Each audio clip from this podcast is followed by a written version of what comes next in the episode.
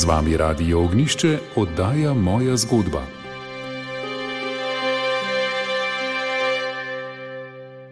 Drage poslušalke in dragi poslušalci, dober večer, poslušate oddajo Moja zgodba. Danes jo bomo posvetili partizanu Pavlu Žaklju Ninu, ki je umrl leta 1944 zaradi partizanskih neskladi med seboj. Zgodbo o smrti partizana Pavla Žaklja Nina nam bo predstavil njegov sin Niko Žakelj, ki ga lepo pozdravljam v studiu Radia Ognišče. Dober večer. Dobro večer, dobro večer tudi vsem poslušalcem Radia Ognišča. Naj povem, da ste se s primerom očetove smrti ukvarjali več desetletij, da ste skrbeli za očetov grob, ki se je na koncu izkazal, da sploh ni njegov. Ob tem pa ste doživljali tudi številne pritiske, tudi o tem bova govorila nocoj. Pritiski so bili seveda strani Zveze borcev in te je bilo več do tega, da se smrt vašega očeta ne razjasni, kot pa da bi izvedeli vso resnico. No, ampak pojdimo po vrsti. Greva najprej v tisto leto 1944, ko ste imeli 8 let. Mogoče bi našim poslušalcem in poslušalkam povedali, kakšni so vaši spomini na zadnje srečanje z vašim očetom. Ja, to je bilo mislim, pri kraju oktobra leta 1944. Oče je potem, ko je upravil vse ta dela okrog nabave prehrane za partizane, mu je bilo dovoljeno, da se oglasi doma za dan, dva, da si malo uredi obleko in higieno in podobne stvari. No, dobro se spominjam tega dne, sedel sem na dvorišču, ravno drva so nam pripeljali na teh drvih in vrezoval zvezdo v eno deblo. Ob tem je prišel oče iz hiše v spremstvo enega partizana, nekaj je prišel iskat na dvorišče, sam ne vem kaj, ampak mimo grede se je oglasil pri meni, pogledal to zvezdo, pogledal tega partizana in mu rekel: Ta bo ta pravi. Meni se, se je zasmejal, jaz sem se njemu, bil sem zadovoljen, da me je pohvalil, in to je bilo moje zadnje srečanje z očetom. Potem so ga odpeljali, brez slovesa, seveda, in ga nismo videli več. Za vašo družino je takrat uh, nastopil tak težek trenutek, ker naenkrat mama ni več vedela, kje je oče, kdaj se bo vrnil. Koliko vas je bilo v družini, oziroma kako je mama zdržala te pritiske? Ja, ni bilo lahko. Namreč mama je že slotila kot ženska, da se nekaj dogaja okrog tega, kar bi bilo sicer lahko usodno za očeta. Bili smo trije nedorasli otroci, torej šest let, osem in pa deset. Vse posod je začela poizvedovati, kje je oče, ampak vsi odgovori so bili več ali manj nedoločeni. Ja, odšel je v prekomando in to je trajalo tja do leta 45, ko ga ni bilo. Mi smo sicer vse skozi upali in seveda tudi ob večerjih molili, da bi se vrnil, ampak ni ga bilo več. Zdaj pa k vašemu očetu, Pavlu Žaklju Ninu. Kakšna je bila funkcija vašega očeta v Partizanih, kdaj se jim je pridružil in kaj je pravzaprav delal? Oče se je pridružil prvo ko je bil še mobiliziran kot gasilec leta 1941 v osvobodilni fronti kot zaupnik in je skrbel že takrat kot gasilec za hrano, takrat še sicer majhnega oziroma malega števila partizanov.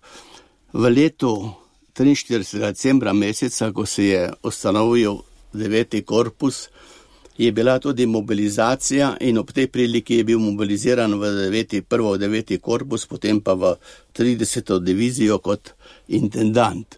Verjetno, ker je bil gostilničar, ker je poznal mnogo ljudi in je lažje pač nabiral to hrano, so ga dali v intendaturo, ki je skrbel v glavnem za prehrano partizanov. In kaj se je potem zgodilo leta 1944, da so se stvari zelo spremenile, da je vaš oče nekako iz začetnika odporniškega gibanja na postonskem postal sumljiv. Kot sem že omenil, se je na uh, koncem leta 43. decembra meseca ustanovil ta deveti korpus, potem spomladi leta 44. se je ustanovila komanda mesta Senožeče, prvo, potem posojna, ker je bil politkomisar in Hrvat Ante Cernica. Potem se je v tem letu ustanovila gospodarska komisija, ki je skrbela za nabavo hrane in ustanovila se je Ozna. To mislim, da je bilo sredi leta 1944.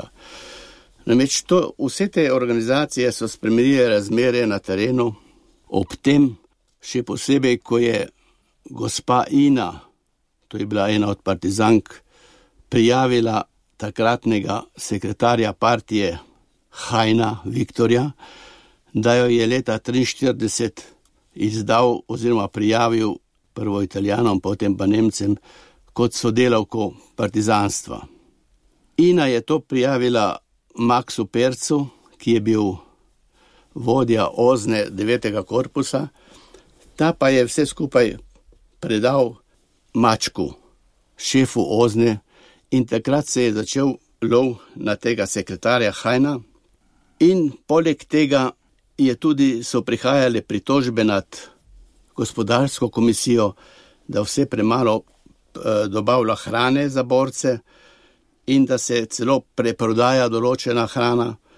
In vse to, ta prijava in to, te pritožbe na gospodarsko komisijo je vzpostavilo neko nezaupanje med partizani in začela se je ta hajka na Hajneja, ki je želel povezavo med postojno in devetim korpusom prekiniti, oziroma želel je pravzaprav odstraniti ljudi, ki so povezovali postojno z devetim korpusom.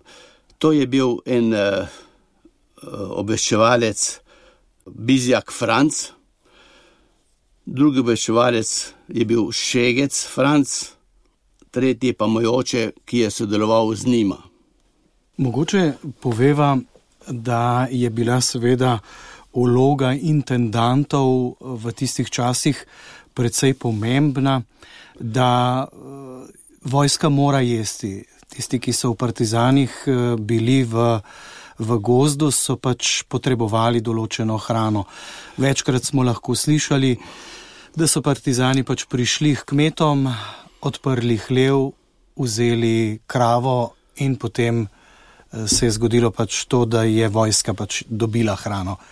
Ampak eh, primer iz eh, recimo vašega okraja postojne kaže eno tako zelo razvejeno dejavnost, kako so ljudje zbirali za partizane, kako se je tisto, kar je bilo zbrano, potem prodajalo, kako so se potem ta sredstva zbirala in hrana tudi kupovala. Povejte mogoče nekaj eh, besed o tem. No, tega vsaj po pripovedovanju teh akterjev je bilo, je nekaj bilo, predvsem je pa prišla prijava iz uh, Trsta oziroma iz Žavel, to je vas pri Trstu, kamor so vozili iz uh, teh naših krajev v prodajo seno in potem seveda ta denar uporabljali za nabavo prehrane oziroma zdravila za deveti korpus. Ob tej prijavi, seveda, je padla v nemilost uh, gospodarska komisija, čež da se prodaja, in sta bila tudi dva, dva člana predana takratnemu sodišču uh, zaradi tega. In pravzaprav to je tudi eden od, od razlogov, da se je začela ta gonja oziroma prepir med intendanti, torej mojim očetom in pa Markom Šetincem, ki bo intendant devetega korpusa, in pa seveda med gospodarsko komisijo postojna. Zakaj pa se je ustvarilo to nezaupanje med Ozno in ostalimi partizani, oziroma zakaj so vedno nekako iskali notranje sovražnike? No, kot sem že omenil uh, v, v začetku, uh, takratni sekretar partije Hajna Viktor ga je prijavila ta gospa Ina, oziroma ta partizanka Ina. To je bil prvi razlog. Drugi razlog je bil pa ta, nesporazum oziroma to, kar sem prej omenil s to gospodarsko komisijo.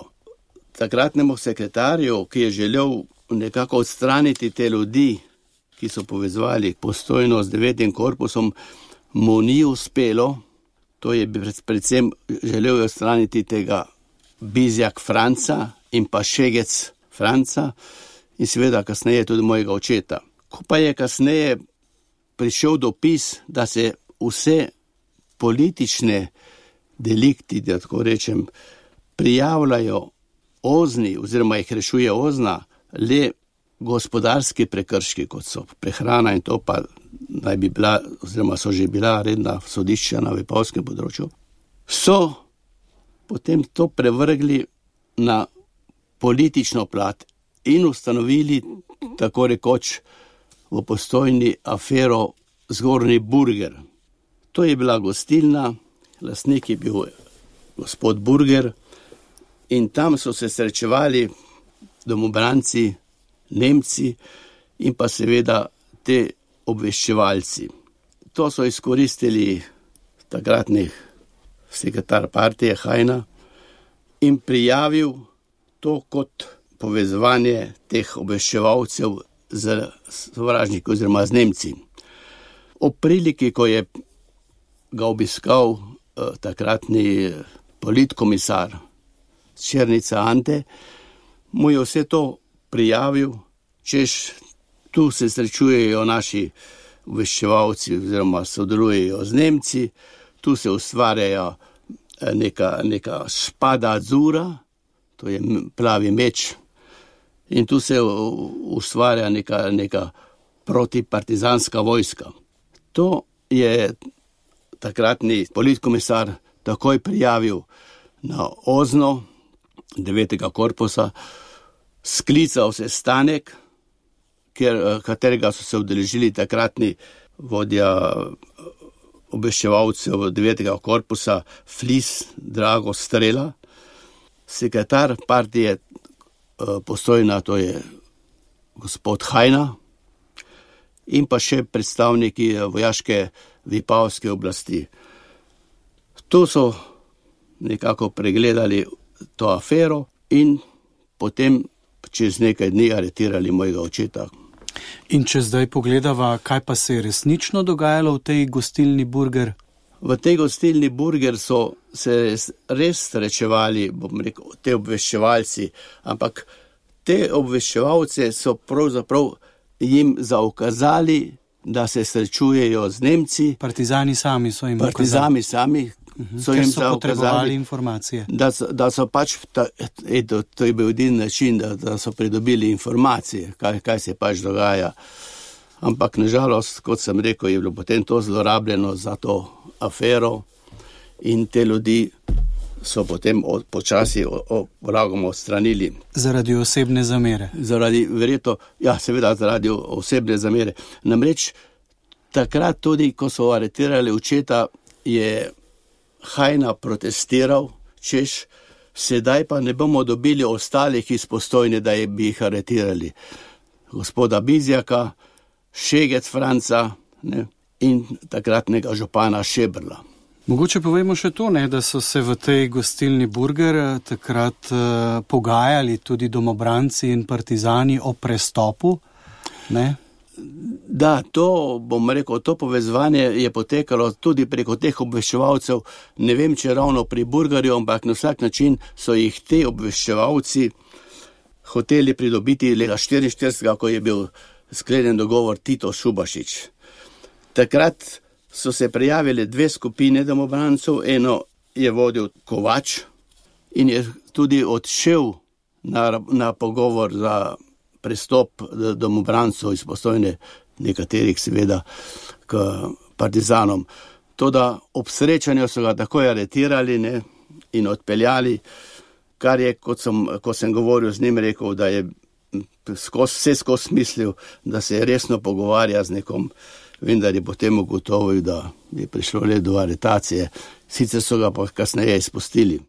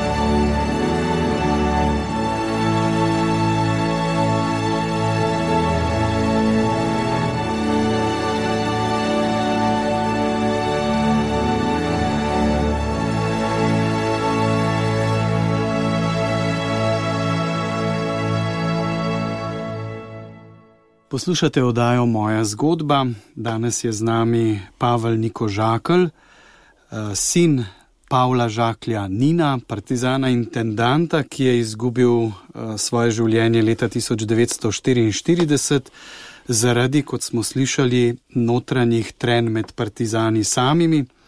Mogoče zdaj poveva, kako se je ta zgodba razpletla. Namreč eh, prišel je konec vojne in takrat naletimo na zavestno prikrivanje vzrokov očetove smrti.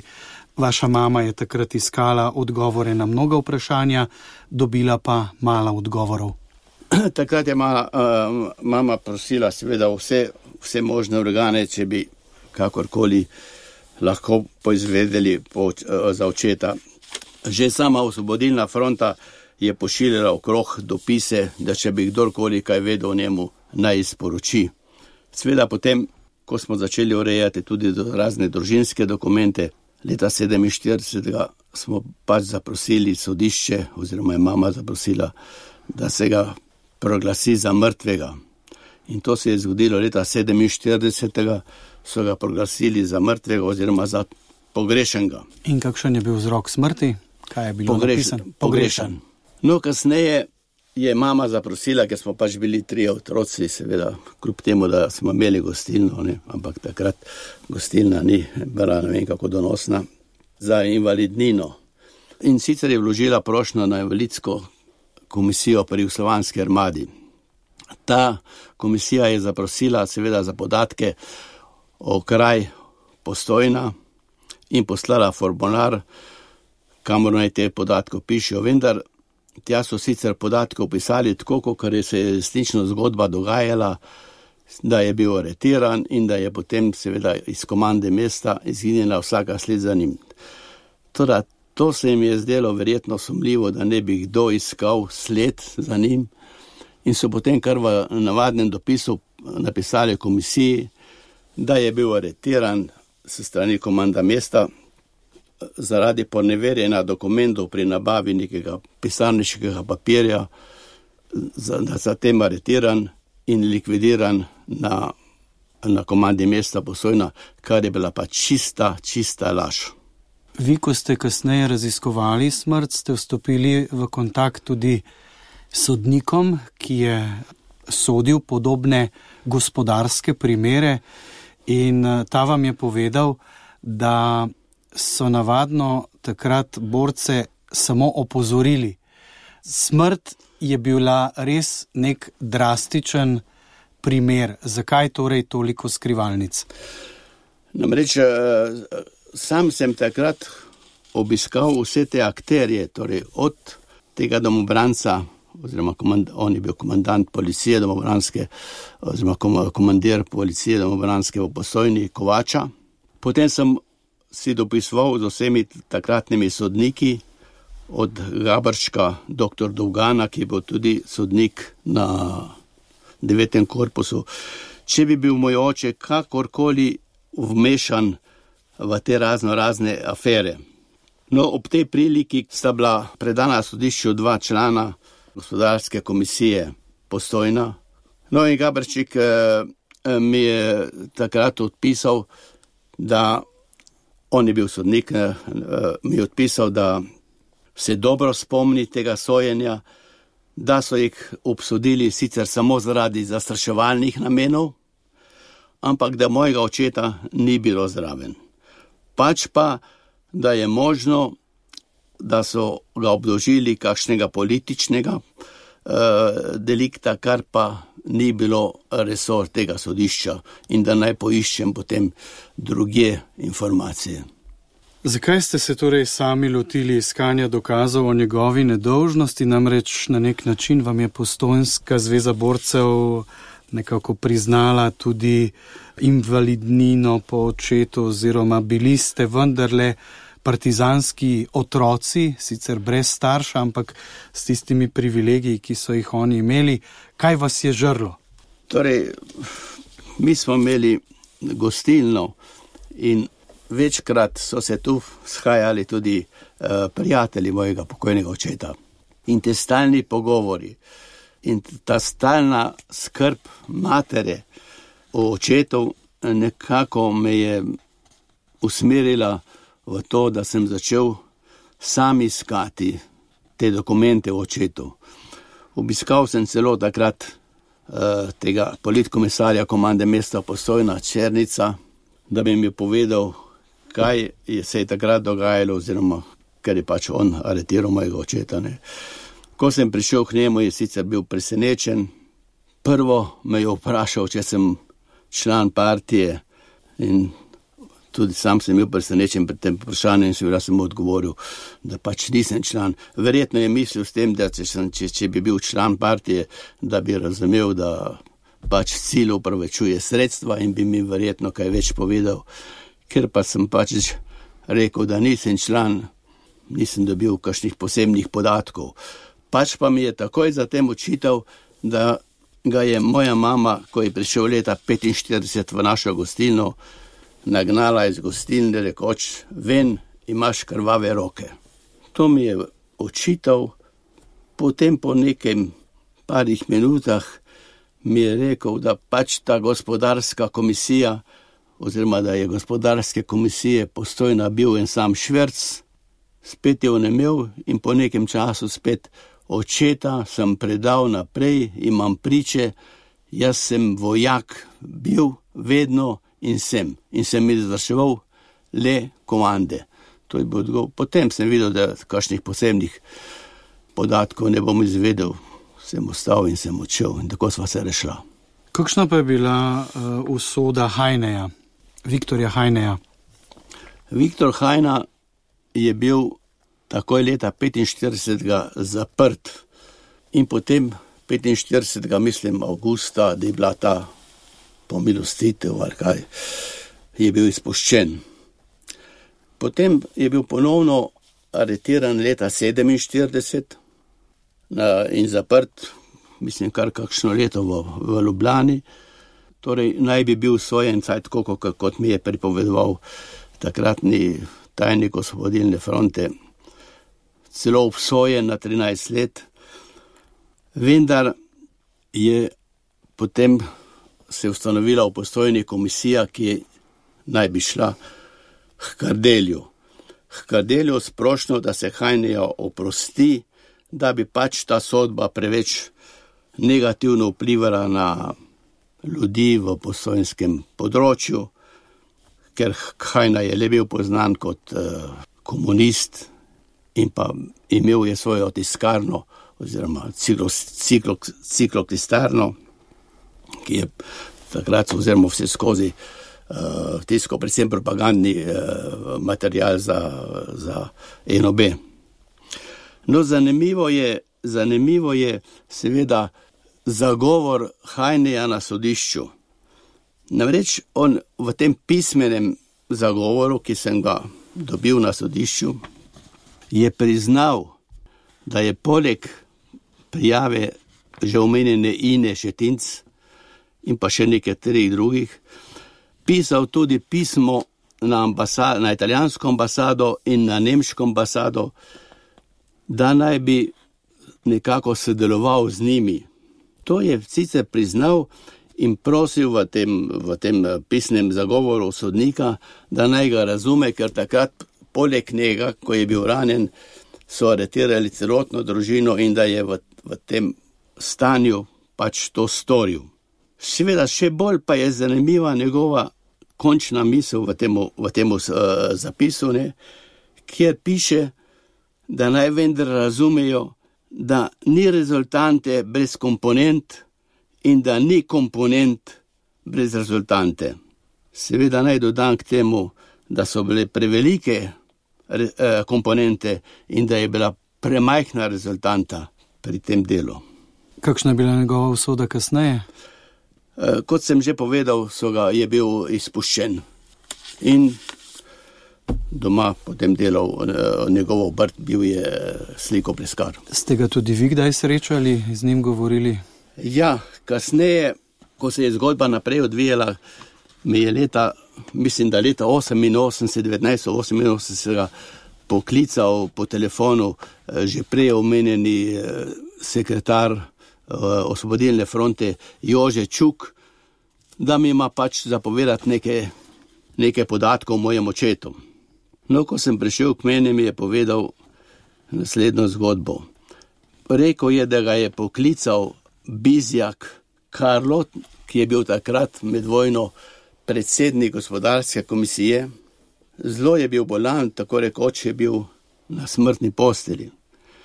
In ga prosil, da dvigne dokument na arhivu Zveze borcev posojna, ki ga je on podpisal, oziroma mu ga je dal podpisati Hajna, in to je bil dokument o mojem očetu.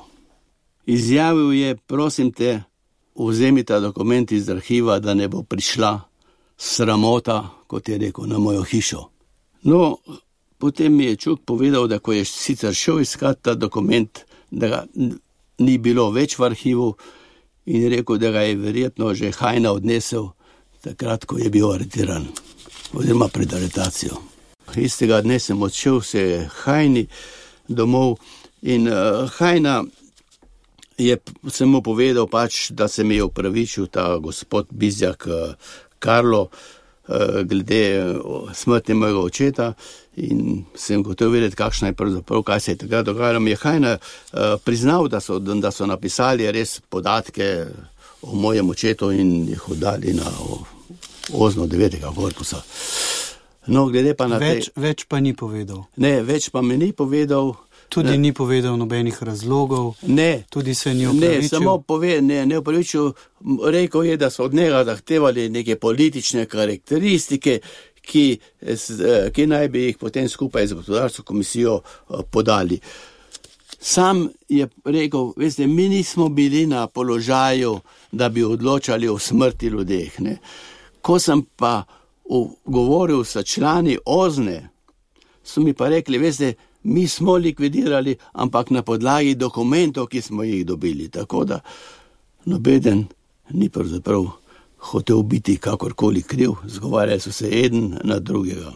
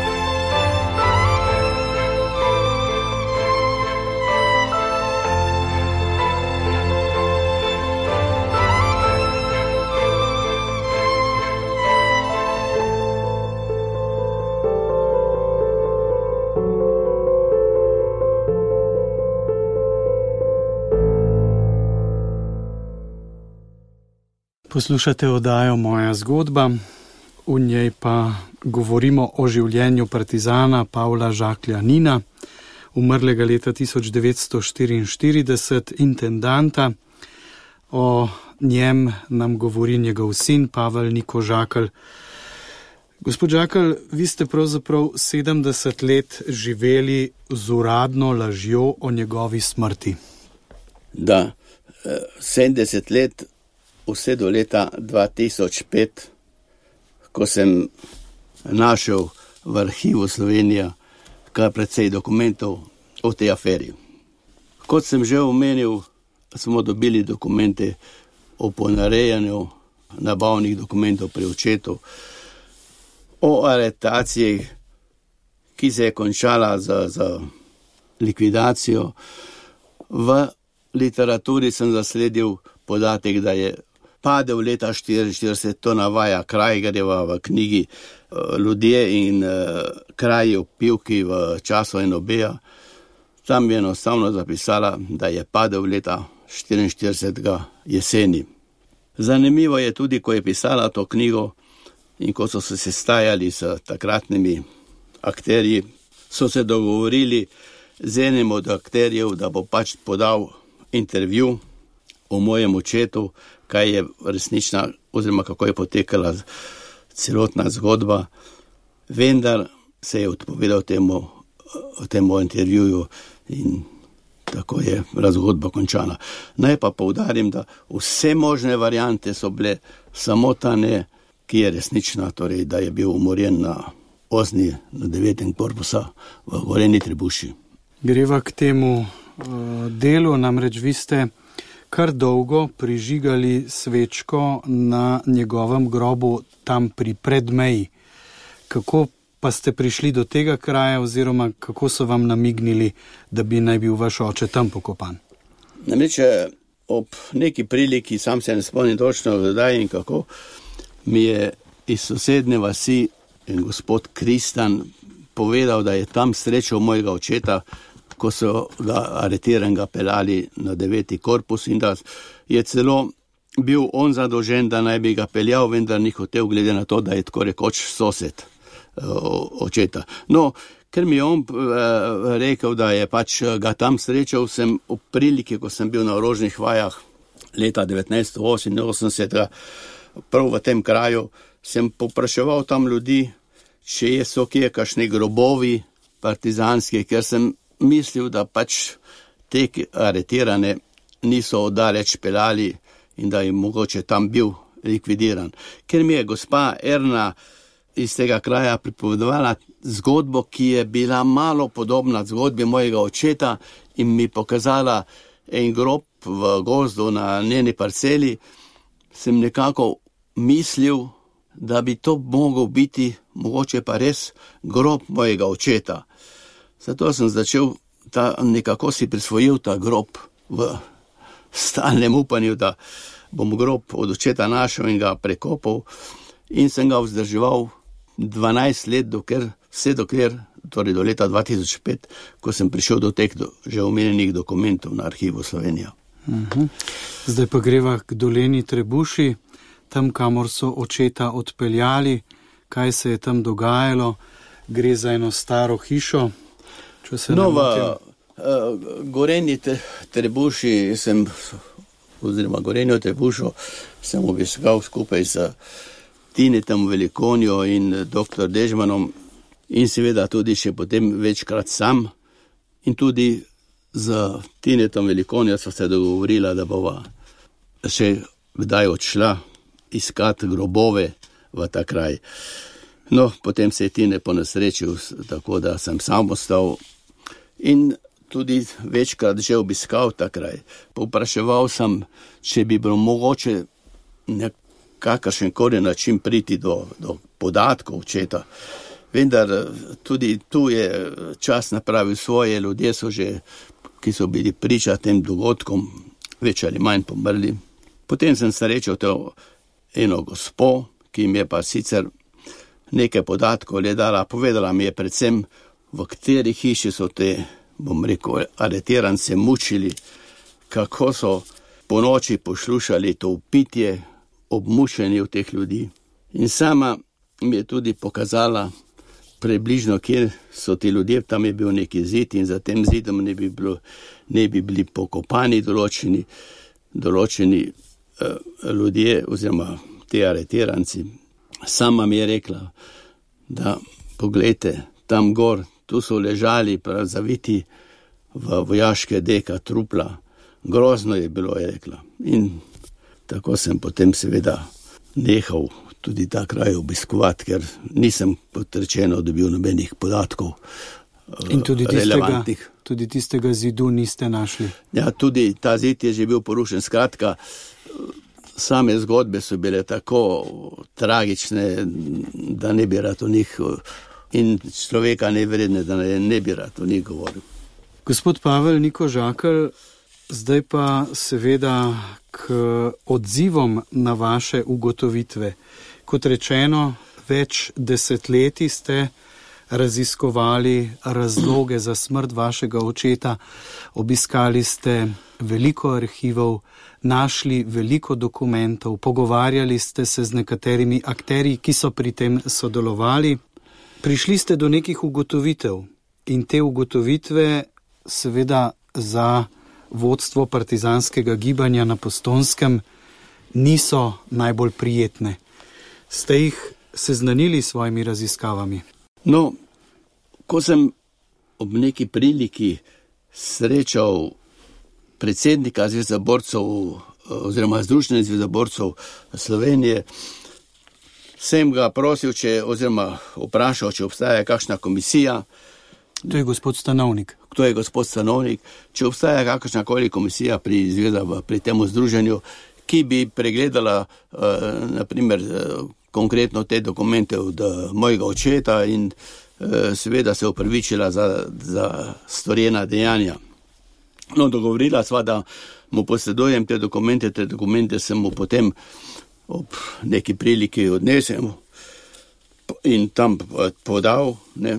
Prosil sem, da bi se opravičili glede na to, kar je bilo popolnoma jasno iz teh dokumentov, da je bil oče umorjen, niti ne likvidiran, umorjen je bil med zaslišanjem, da bi se opravičili družini, otrokom, ki smo bili se živi.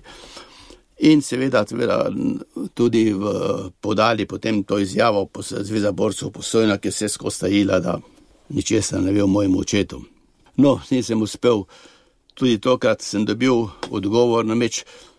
Takratni predsednik mi je napisal, da je ob, ob pregledal dokumente o prisotnosti še ostalih, verjetno je mislil na, na Flis Dragota, ki je takrat še bil, on je, kot sem ga že prej omenil, bil vodja obveščevalcev pri devetem korpusu, verjetno, ampak mene niti niso poklicali k tej razpravi. Da bil sem odgovor, da je to civilna organizacija, ki ne odreja o statusu ljudi, ampak da je to le civilno družbeno združenje in da pač priznajo očetu, da je bil partizan, kar jih pravzaprav niti nisem prosil. Ne. Kaj pa potem o pritiskih, namreč strani Zveze borcev so pa vendarle prišli tudi neki pritiski. Ne več, eh, leta 62 so postavili neko spominsko obeležje tam v našem kraju, mislim, v Hrušju, v padlih partizanih. No, in to sem takrat izkoristil, da bi razčistil vso zadevo okrog očeta. In sem prosil v krajni eh, odbor Zveza borcev Koprov in tja vložil dokumente, da razčistimo vso zadevo, kaj se je dogajalo z očetom. In takrat so zaprosili, seveda, uh, Zveza borcev posojna, da bi podala podatke, vse potrebne podatke okrog tega. Toda zopet so v postojni odgovorili, da nimajo, da, da sicer se je govorilo, da je nekaj ponarejal, ampak da naj pogledajo dokumente o Jugoslovanske armade iz leta 47. Uh, ko je mama zaprosila za invalidnino, da je tam vse razvidno, skratka, tam so bili ti lažni dokumenti, kot sem že prej omenil. Hvila, ker sem pa ustrajal pri tem, so me upozorili, da naj ne brskam po teh stvareh, da saj imamo vse priznano, kaj mi pač gre in da naj postim zadevo pri miru. Vi se s tem niste sprijaznili in ste delali naprej, in tako prišli tudi do večine resnice. Je ta zgodba zdaj končana? Ja, Nemeč, če se vrnem nazaj na, na zgodbo Zgornji Burger o postojni, naj povem, da od teh, ki so bili takrat umešani v strani, strani partijskega sekretarja v postojni v to afero, je bilo tako, da so Šegeca in pa gospoda Burgerja, gostilničarja, po vojni dali eh, v Šentvit v Ljubljani, vendar tu sta srečala enega znanca iz Ozne in so jih odpustili. Bizjak Francat, obveščevalca eh, devetega korpusa, naj bi, tako mi je vsaj Šetinc Markov pripovedoval, naj bi ga ovadili Nemcem in je bil leta 45. strani Nemcev aretiran, zaprt v Trsto in na to pre, v, predan v Mathausen, kjer je umrl aprila leta 45. Župan Šebrl je bil po, po vojni sojen in na dokumentih, ki sem jih dobil v arhivu, piše umrl v zaporu. Moj oče je bil med zasliševanjem na devetem korpusu pri Ozni umorjen. Samo zasliševanje piše v zapisniku, je trajalo sedem ur. In sam mislim, da je bil pravzaprav za sam zapisnik niti ne izjava očeta, ampak posnetek raznih eh, dokumentov oziroma prijav, ki so jih dobili iz postojne očetov. To je bil nekako zaključek teh akterjev v tej aferi. No, če pa končam zgodbo in naredim nek povzetek, naj povem, da sem prišel do resnice o smrti očeta, oziroma do resnice o zločinu, ki je bil narejen eh, pri mojem očetu.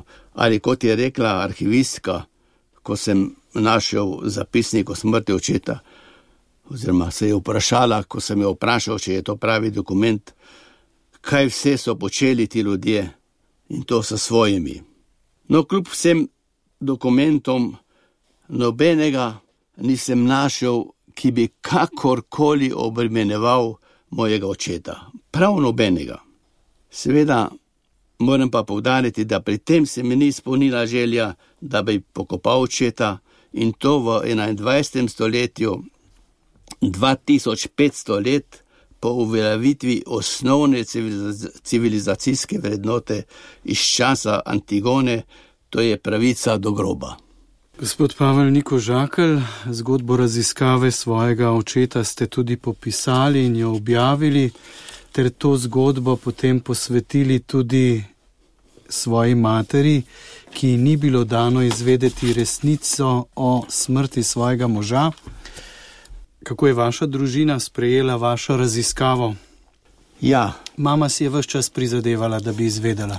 Mama si je seveda vse čas prizadevala, sam pa sem se tudi seveda izogibal, takrat, ko je bila še mama živa, da ne bi resnično dobil kakšne slabe dokumente, kar bi jo verjetno zelo prizadelo. Zato, kot ste že omenili, sem, eh, bom rekel, to zgodbo napisal v mamini smrti. Seveda, vsi otroci, takrat je bil tudi še brat živ, smo presenečeni nad vsem tem, kar se je dogajalo. Človek ne more verjeti, da je kaj takšnega možno. In zaradi tega, seveda, to opravičilo, ki ga ni bilo, še toliko bolj skeli. Absolutno se z vami strinjam. Kako je mogoče, da človek ali organizacija ne more priznati nekaj, kar je storila in se za to upravičiti? Kar verjetno bi bile vse travme veliko manjše, kot pa so. Še eno vprašanje, če pogledava zdaj, ko se je ta stvar, bi rekel, obelodanila, ko so zaključki postavljeni, ko arhivsko gradivo stoji, odmeva v javnosti pa seveda takega, kot bi si želeli, ni. Tudi mlade eh, se včasih zdi, da take zgodbe zanimajo malo ali nič, tudi to skeli.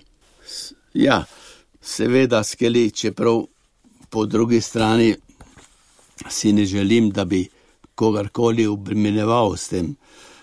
Vso zadevo sem si želel rešiti v okviru organizacije Zveza borcev in pa seveda naše družine, ne pa da bi s tem, kot sem že rekel, obremenjeval kogarkoli. Gospod Pavel Niko Žakl, hvala lepa za obisk v našem studiu, za predstavitev življenjske zgodbe vašega očeta, Pavla Žaklja Nina, v oddaji Moja zgodba. Vse dobro želim. Hvala lepa. Lahko noč. Lahko noč. Oblaki so rdeči, kaj